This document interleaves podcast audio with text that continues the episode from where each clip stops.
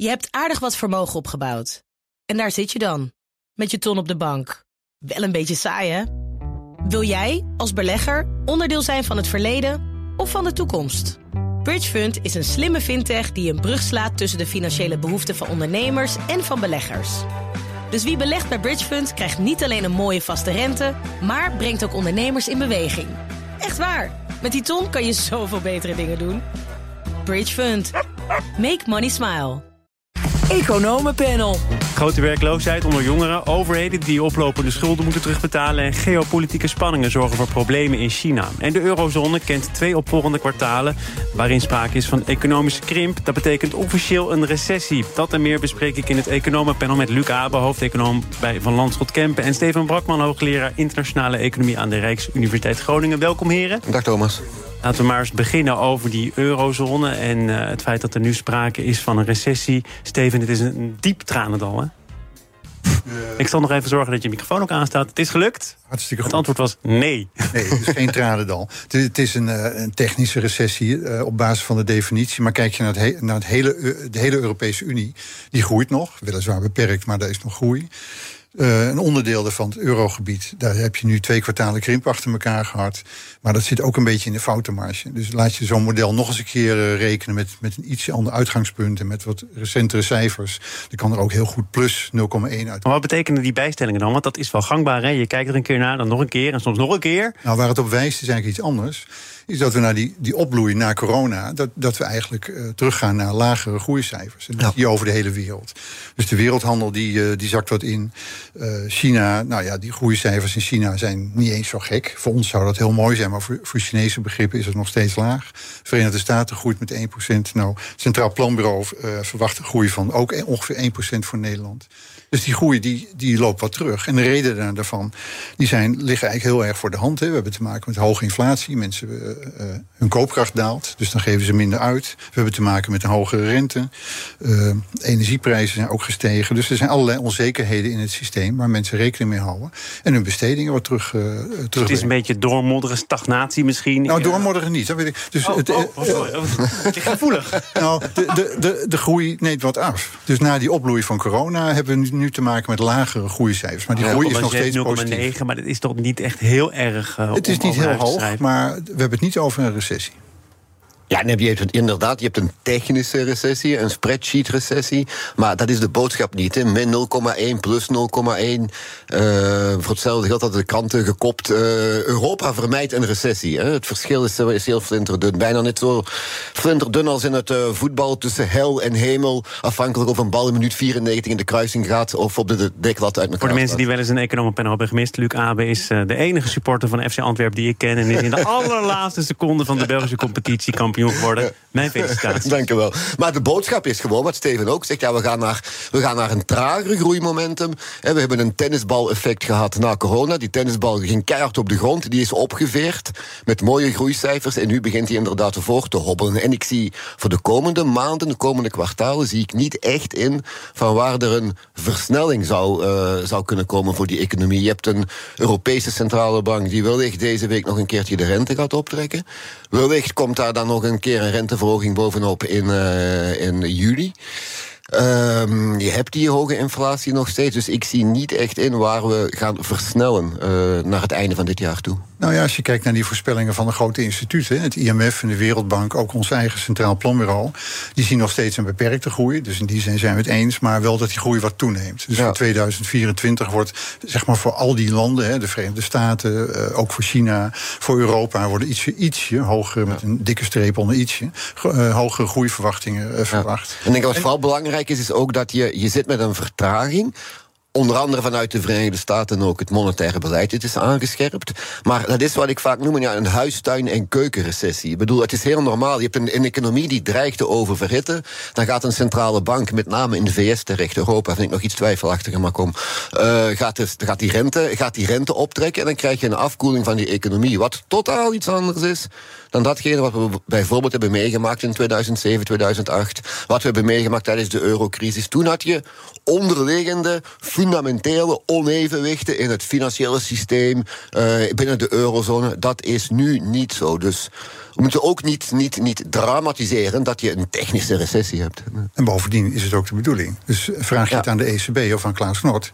Die zegt, ja, wa- waarom denk je dat wij de rente de afgelopen periode verhoogd hebben? De bedoeling is nu juist om die al te grote groei, die overfitting van de economie te voorkomen. Nou, dat is nu gebeurd. Maar dit is, nog, dit nog altijd een, om, om in jargon te blijven, is dit nog altijd een, een zachte landing als het hierbij blijft? Ja, ik denk dat het een zachte landing is. Dus ik denk eigenlijk dat de centrale bankiers tevreden zijn. Hè. Klaas Knot is wel bang voor een loonprijsspiraal. Maar op zichzelf, Ja, dat die maar- economie wat, wat afremt... dat was nu juist de bedoeling van het beleid van de ECB. En als er alsnog een harde landing komt, dan zal het wellicht ECB geïnitieerd zijn. Hè? Wat, wat ik net al aanstipte, eh, deze week nog een verhoging, wellicht volgende maand nog.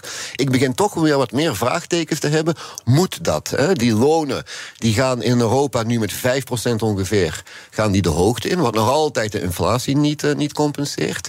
Dus ja, uiteindelijk die inflatie brokkelt op zich wel af, zelfs als er geen 50 additionele basispunten renteverhoging gaan bijkomen. De Dus inflatie ligt in Europa nu toch nog op 6%, meen ik? ja, dus daarom bedoel je, als je dan 5% loonstijging hebt, dan heb je in reële termen nog altijd geen loonstijging. Hè, dus je economie blijft dan afkoelen, blijft dan momentum verliezen. Dus, en ook als je kijkt naar ja, wat ze noemen de, de, de, de financiële condities in zijn algemeenheid. Dus niet alleen de rente, maar, eh, maar eh, spreads op risicoopslagen op bedrijfsleningen, aandelenprijzen. Dus de brede financieringsvoorwaarden in de economie. Die komen op dit moment overeen met een regelrechte krimp. En niet van min 0,1, maar een sterkere krimp Even? van die eurozone. Dus ik begin toch wat met meer wenkbrauwen gefronst richting ECB, richting Frankfurt te kijken. Ik denk dat dat wel meevalt. Dus als je nu... eh, Lang verhaal, ja. valt allemaal wel mee. Nee, als je kijkt nu naar de Federal Reserve, hè, de, de centrale bank van de Verenigde Staten, die, eh, die, die, de verwachting is, deze week zouden ze de rente kunnen verhogen. En de verwachting is eigenlijk dat ze het niet doen, omdat ze Een pauze, ja. een pauze inlassen, omdat ze denken, we wachten nu eerst maar eens af hoe het met die inflatie gaat. Dus dat, dat is eigenlijk wel een positief signaal. Dus de economie rent wat af. Nou, als je in de. ehm, ja, als je de ECB'ers vraagt en de centrale bankiers vraagt, is het nou slecht, vinden ze het eigenlijk wel goed. Maar ik ben het wel met Luc eens dat er zijn wel grote risico's. Dus jij wijst op de financiële eh, problemen die er zijn. Nou, denk ook aan de grote schulden hè, die eh, bedrijven en huishoudens hebben opgebouwd. Ook in coronatijd, uitgestelde belastingen. Ja, dat is een onderdeel van die, eh, van die krimp van de economie. Ja. Dus die belasting moet worden terugbetaald. Ja. Een hoop bedrijven gaat nog steeds niet heel goed mee. Eh, ja, die moeten toch die eh, achterstallige belasting terugbetalen. Dat is lastig. En me- mensen kijken ook tegen hoge schulden aan. Dus dat zijn risico's. En op de eh, als je kijkt naar de wereldeconomie, die risico's zijn er ook. Hè. De terugvallende wereldhandel, daar hebben we allemaal last van. Ehm, dus de- en, en ook de Oekraïne. Ik las dit weekend een stuk over de, de gevolgen van die damdoorbraak. Ja. Eh, denk aan de gevolgen voor de oogst. Ja, op Dus, langere eh, termijn ook. Hè. Aanprijzen. De graanprijzen. Ja. Dus eh, op, op dit moment zijn we blij dat die energieprijzen dalen. hè. Gas en olie die zijn weer op het niveau van 2018. Nou, de, de voedselprijzen nemen ook af. Maar stel dat het eh, klopt wa- wat, er, wat er geschreven werd over die komende oogsten in de Oekraïne door die, door die damdoorbraak. Ja, dan kijken we ook zomaar weer tegen gestegen voetbal. Ja, en voor energie, we zijn nog niet definitief uit het donkere energiebos ontsnapt. Hè. Vorige week zag je gasprijzen weer eh, met eh, sommige dagen toch heel volatiel ook naar boven toe bewegen. Dus dat zijn inderdaad nog eh, kritische parameters om in de Wat, gaten wat te specifiek voor Nederland geldt, maar ook voor heel veel andere Europese landen, is dat ondanks die afkoelende economie de werkloosheid niet of nauwelijks zal toenemen. En dat is natuurlijk wel belangrijk voor hoe mensen naar hun eigen financiële toekomst kijken. Ja, ja. Ja, nee, dat, dat, dat, klopt inderdaad. En dan desondanks zie je dat dat consumentenvertrouwen... en dat zie je in Nederland, dat zie je eigenlijk in Europa... dat zie je wereldwijd, ook in de Verenigde Staten... zie je dat consumentenvertrouwen nog relatief of zelfs zeer laag is. Hè. Dus ondanks die lage werkeloosheid... maar wat misschien ook een buffertje geeft voor een zachte of harde landing. Hè. Ja. Eh, dus dat geeft, eh, zelfs als de werkeloosheid iets oploopt... dan nog heb je macro gezien ja, nog niet echt een dramatische situatie. Maar... Nou ja, ik denk toch aan een zachte landing. Wat Thomas net zegt, eh, met die, die arbeidsmarkt die nog steeds krap is. Dus wat betekent de recessie nu feitelijk voor de, voor de Nederlandse situatie? Een bedrijf had bij wijze van spreken, dus een hypothetisch voorbeeld, 100 vacatures. Nou, met die krimp en die recessie hebben ze er 30. Dus het aantal vacatures is afgenomen, maar ze hebben nog steeds een tekort aan mensen. Ja, precies. dus in die zin wordt het een zachte landing. We gaan naar China. BNR Nieuwsradio. Zaken doen. Thomas van Zeil. Ik, ik zie Luc Amen kijken. Het vliegtuig staat niet klaar hoor. We gaan het over China hebben. Luc Amen en Steven Brakman zijn de leden van het economenpanel. De Chinese economie hapert, ondanks de heropening na corona. Hoge jeugdwerkloosheid, terugvallende industrie, hoge schuldenlast. Het zijn de ingrediënten voor een cocktail die voor problemen zorgt. Onder andere het FD schrijft erover, maar het is niet helemaal nieuw. Wat zien jullie als de belangrijkste ingrediënten, de belangrijkste ja, bouwstenen van deze malaise in China? Ik denk malaise is, is weer zo'n sterk woord. Mijn excuus. Ja, dus ik, ik zou het... malaise. Zachte malaise. Ik zou het hebben over een, een conjunctureel effect. Dus nu neemt de jeugdwerkeloosheid in China neemt toe. Hè, in de grote steden. Dat is natuurlijk heel vervelend voor de mensen die het betreft. Maar in China, ook daar geldt dat men uh, op de lange termijn een tekort aan, aan, werknemers heeft. Dus daar is het tekort. Denk aan de demografie, de gevolgen van het één-kind-beleid. hebben ze losgelaten? Is, hebben ze losgelaten, maar dat duurt 20 jaar voordat die mensen op de arbeidsmarkt zijn. Dus op dit moment kijken ze aan tegen een vergrijzende economie. Dus die jeugdwerkeloosheid, dat is een conjunctureel uh, conjuncturele dip. Uh, maar daar komen ze wel weer uit. De grote problemen voor China zijn denk ik een andere. Uh, is dat ze, uh, ook door de vergrijzende bevolking... dat ze iets moeten doen aan de, de productiviteit. Dus ze hebben heel lang hebben ze, uh, kunnen profiteren van het feit dat mensen van het platteland naar de fabriek gingen en daardoor groeiden. Uh, nou, dat is opgehouden. Ook dankzij die vergrijzende economie. Dus daar moeten ze wat aan doen. Dat is ook de reden dat wij heel argwanend naar Chinezen kijken die naar de Technische Universiteit gaan. Wat doen ze met al die kennis? Maar dat is het grote probleem van China. En die, die vergrijzing is een heel groot probleem. en de hele sector, of de hele bemoeienis van de overheid met ja. de private sector. Dus denk aan de bouwsector. Nou, er zijn heel veel kredieten verleend in de, in de bouwsector... die eigenlijk waarschijnlijk niet terugbetaald kunnen worden. Ja, maar de, daarom is er ook volgens mij een beleid geformuleerd... met drie grenzen die je niet meer over mocht. Er is geprobeerd in te grijpen, toch? Ja, alleen... nadruk op geprobeerd. Hè. Die grenzen en die bouwsector, die drie rode lijnen waar jij het wellicht over hebt... Ja, die zijn een stukje losgelaten alweer, noodgedwongen... om toch die conjunctuur nog voldoende momentum te blijven laten behouden uh, de, de, deze tijd. Ja. Ja. Dus het blijft vooral bij voornemens en iets minder bij beleid? Uh, ja, maar, maar, China, kijk, China moet naar een volgende fase, zoals Steven ook al uh, suggereerde, naar een volgende fase in zijn ontwikkeling. De eerste fase van de ontwikkeling van een plattelandseconomie naar een industriële economie, dat is relatief simpel. Je stuurt een bus het platteland op, je haalt mensen, zet die in de fabriek klaar. Maar in een volgende fase moet je naar een, een, een economie met een hoger toegevoegde waarde, meer naar een diensteneconomie, uh, met meer technologisch, hoogtechnologische producten enzovoort. En zo'n economie en economie is een verhaal van vallen en opstaan. Je kan een economie niet op een spreadsheet vanuit Peking sturen. En je ziet die mentaliteit, ook het aan banden leggen de techsector, een paar maanden terug was daar een, mooie illustratie van.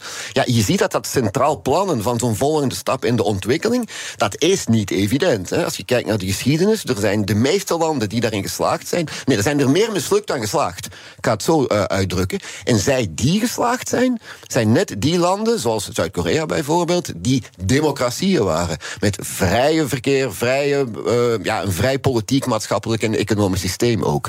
Ja, daar kan je China op dit moment niet China echt van heeft de verdenken. tijd, toch? Er wordt vaak gezegd, het hoeft allemaal niet morgen te gebeuren. Nou, weet ik niet of ze de tijd hebben. Als, ik, uh, Nou ja. als zij de vergrijzing stilaan beginnen te voelen, als zij beginnen te voelen dat zij steeds minder toegang hebben tot hoogtechnologische producten en diensten vanuit het Westen. Als ik zie dat de, de lokale overheden, die een centrale rol hebben gespeeld de voorbije jaren in het financieren van die economie, nu ook financiële problemen hebben, gelinkt aan de vastgoedproblemen, ja, dan is dat een cocktail die, kijk, China heeft x jaar geleden had 10% groei, zit nu 6 à 7. Zou mij niet ver- verwonderen als die cocktail naar een structurele groei van 3% gaat of zo. Ja, dat was eigenlijk het idee. hè. Deng Xiaoping, 1990 of 1989. Dus we gaan heel ver terug. Uh, maar eigenlijk wa- was het idee toen van... goh, China gaat ook richting uh, ja, sociale markteconomie. Dus de overheid heeft een rol, maar we gaan ook uh, particulier initiatief stimuleren. En dat is heel lang is dat goed gegaan. Nou ja, je ziet nu toch dat onder Xi de greep van de overheid weer toeneemt. Nou, en dat heeft allerlei nade- nadelige effecten. Hè. Dus ook de invloed op de economie neemt, neemt daarmee toe, wat niet goed is. Ja. Dus ik denk dat eh, China daar voor een hele grote uitdaging staat. En als je de tekenen nu ziet, ik heb niet het idee dat ze de les echt, echt leren. Dus de problemen die eh, dienen zich aan. Uh, en de oplossingen zijn heel beperkt. Ja. Welk monetair beleid hoort erbij? Want volgens mij vorige week uh, ook gepresenteerd de inflatiecijfers uit China. Die komen op jaarbasis uit op 0,2 procent. Er wordt serieus rekening gehouden met deflatie. Wat moet je nu doen als je de gouverneur bent van de Chinese centrale bank? Ja, de economie aanzwengelen. Dus de, de China die is, de, ja, die heeft heel lang En in het begin voerden ze eigenlijk best een goed COVID-beleid. Daar was iedereen een beetje jaloers op, dat ze het allemaal zo konden regelen. Maar later keerde, keerde dat zich tegen, tegen hun. Ja. Dus ze hebben veel te lang aan lockdowns vastgezeten. Ja. Nou ja, daar, daar komt men nu langzaam uit. Dus de groei wordt weer gestimuleerd. Dus wat, wat moet je de Chinese overheid uh, adviseren? Is zorg dat, dat die economie weer op gang komt. Kijk, voor Nederland, is, of voor Nederland en de wereld is dat heel belangrijk. Er zijn wel berekeningen geweest van het IMF. Dus elke procentpunt groei in China is 0,3 procent groei van de, van de hele wereld. Dus voor ons is het belangrijk dat China groeit. Hè? Het is een grote afzetmarkt. Ja, de vraag is natuurlijk, als je die rente verlaagt, gaat dat dan ja, die groei daar echt op korte termijn aanjagen? Hè? Je hebt al je hebt die structurele problemen in de vastgoedsector. Die rente wordt verlaagd, toch? Ja. Die rente wordt toch ja, maar gaat dat, veel, gaat dat veel helpen? Hè? Je hebt die structurele problemen in die, in die vastgoedsector. Um, ja, Chinezen wantrouwen dat nu ondertussen gewoon. Hè? Uh, Chinezen, ook daar is het vertrouwen heel laag. Dus of dat nou de echte economie gaat aanzwingelen... en met name die structurele langere termijn uitdagingen waar die economie voor staat. Hè. De vergrijzing tegen. Ja, dat, daar heb ik toch wel een aantal vraagtekens bij. Ja. Dat kan op korte termijn misschien enige ademruimte geven. Maar of dat voldoende adem is of heel de economische marathon uit te lopen, vraagteken. Goed, de renteverlaging, nog een kleine voetnoot hierbij, is ook problematisch. Omdat die financiële sector in China, die, ja, die wankelt niet zozeer. Maar die, daar, daar, kun je toch met de, nodige kritiek naar kijken. Ja, er zijn heel veel dubieuze leningen. Ja, We gaan naar uh, de vragen die onder andere Partij van de Arbeid, GroenLinks en BBB hebben bij het armoedebeleid van het kabinet. En omdat ze daar zoveel vragen bij te stellen hebben, is het nog maar de vraag of zij de bijstelling van de begroting steunen. Um, eerst maar even naar. Oh, Steven? Ik dacht, dat je mij mijn vraag ging stellen. Nou, ik, je mag ook gewoon antwoord geven zonder een vraag. wat wil je erover nou, Laat ik het eens proberen. Nee, de, wat, wat mij verbaast bij dit, ook bij het krantenbericht... is dat die, uh, dat getal van een miljoen nu ineens uh, heel belangrijk wordt. Miljoen mensen die in armoede leven? Ja, dus er leven mensen in armoede in Nederland. Is, uh, ja, als je het vergelijkt met Afrika en India is het relatief. Maar er zijn mensen die hebben het heel zwaar. Nou, dat, dat is heel vervelend, daar moet je wat aan doen. Ik denk dat iedereen dat vindt. Maar dat getal van een miljoen, dat verbaast me. Kijk, voor corona waren er 800 of 900.000 mensen mensen in armoede. En ook een aantal mensen daarvan zaten al heel lang onder de bijstandsgrens. Dus die hebben het heel zwaar. Ja, waarom is het nu ineens heel belangrijk en was het toen wat minder belangrijk? Nou, er is sprake van een stijging. Hè? Dit is volgens mij ook waarom de Tweede Kamer er zo'n punt van maakt. Omdat het Centraal Planbureau heeft gezegd... bij gelijkblijvend beleid komen er 200.000 mensen bij... terwijl de ambitie van het kabinet is om het aantal te halveren. Ja, maar dan zit je net boven die miljoen. Nou, daar is men op aangeslagen. Dus ik vind het getal van een miljoen vind ik heel vreemd. Ik zou zeggen, ja, probeer iets te bedenken dat mensen, uh, nou ja, een miljoen. Een aantal daarvan die zit een jaar in de bijstand hè, of onder de armoedegrens. Uh, de helft daarvan zit, zit al vele jaren. Nou, daar moet je wat aan doen. Nou, wat, wat kun je daaraan doen? Zorgen dat mensen uh, een baan krijgen. Maar ik vind de suggestie, en dat vind ik eigenlijk het grootste bezwaar tegen het bericht, uh, dat Nederland niks doet aan armoede. Dus we hebben eigenlijk. Het is niet makkelijk, maar er is een bijstandssysteem. Dus in feite kun je niet zeggen dat Nederland daar niks aan doet. Het kan wat royaler. Dus dat ben ik op zich wel met z'n eens. Maar de, de, economie draait als een tierenlier. Ondanks dat we net hebben besproken. Heel veel mensen hebben uitzicht op een baan of hebben een baan. Dan is het toch eigenlijk uh, niet te verantwoorden, zou je kunnen stellen, dat in een welvarend land, waarin er heel veel is gecompenseerd de afgelopen jaren, desondanks nog een miljoen mensen of bijna een miljoen mensen ja in armoede leven. Daar ben ik met je eens. Daar, daar moet je wat aan doen. En er zijn ook programma's. Dus dat, dat is eigenlijk mijn opmerking. Dat daar wel degelijk wat uh, beleid is om dat uh, te verminderen. Dus denk aan bijscholingsprogramma's. Hè. Mensen die al heel lang ja. uh, een afstand tot de arbeidsmarkt hebben. Ja, die, er zijn heel veel instanties die die mensen daarbij helpen. Ja. Om toch weer een baan te krijgen. En het hebben van een baan is eigenlijk het eerste orde effect om uit die armoede te vallen. Dat is een heel moeilijke discussie. Heel die armoedeproblematiek. Dat zelf in de familie iemand die in die sector werkt. en alle slogans alle one-liners moet je, moet je heel sterk mee, mee oppassen. Hè. Dus dat, uh, dat is een heel ingewikkelde uh, problematiek. Maar het is wel in deze discussie hier ook, is wel denk ik een, een, een signaal, een indicatie van ja, een bredere mentaliteit die ontstaan is. Niet alleen in Nederland, maar eigenlijk wereldwijd. Bij ieder probleem en dat is met de pandemie zeker versterkt, ja, wordt er naar de overheid gekeken, ja, help ons. Dat helpen is dan vaak met het uitdelen van geld. En uitdelen klinkt pejoratief, zo bedoel ik het niet noodzakelijk. Hè. Maar het, het, het, ondersteunen, het ondersteunen met geld, zonder wat Steven ook suggereert, naar structurele oplossingen, naar diepgraverende oplossingen te gaan. Dus de vraag is, je kan nu wel op korte termijn die 200.000 vermijden, blijft er nog altijd 800.000, dat een structureel probleem is, of een structureel uh, gegeven is. En wat binnen één jaar, twee jaar, drie jaar, vier jaar. Hè. Dus je zou zeggen, niet nieuw beleid, maar kijk eens even wat je al hebt en of dat wel uit de verf komt. Ja, plus, als je, je moet, kijk, het is een, een, een politieke keuze die hier gemaakt moet worden. En net zoals in die andere landen. En als je politieke keuzes maakt, kiezen is verliezen. Dan ga je ook een aantal zaken niet kunnen doen. In zaken op korte termijn, maar ook op lange termijn. Het geld groeide al niet aan de bomen. Dat hebben we een tijd niet beseft, maar we beseffen het stilaan steeds meer dat het geld niet aan de bomen groeit. Dus uiteindelijk kan je op korte termijn wel uh, bepaalde ondersteuning bieden. De vraag is, dat zijn de lange termijn effecten daarvan. Eén op je financiën, twee op je economie... en ook voor de betreffende inkomensgroepen of bevolkingsgroepen. Daar moet, je, daar moet je gericht beleid op uh, uh, toepassen. Dus ik zou zeggen, die mensen die al heel lang in de bijstand zitten... ja, waarom zitten die er zo lang in? Dat kan al, allerlei goede redenen hebben. Mensen kunnen ziek zijn of allerlei ellende... Die moet je vooral ondersteunen. Die moet je ondersteunen en zorg dat die een baan krijgen... voor zover dat mogelijk is. Luc Abe was er hoofdeconoom bij Van Landschot Kempen, ook supporter van FC Antwerpen. En Steven Brakman, hoogleraar internationale economie aan de Rijksuniversiteit Groningen. Bezoek nog wel eens een wedstrijdje van FC Groningen, ook in de keukenkampioen-divisie? Dan niet. Het houdt ergens op.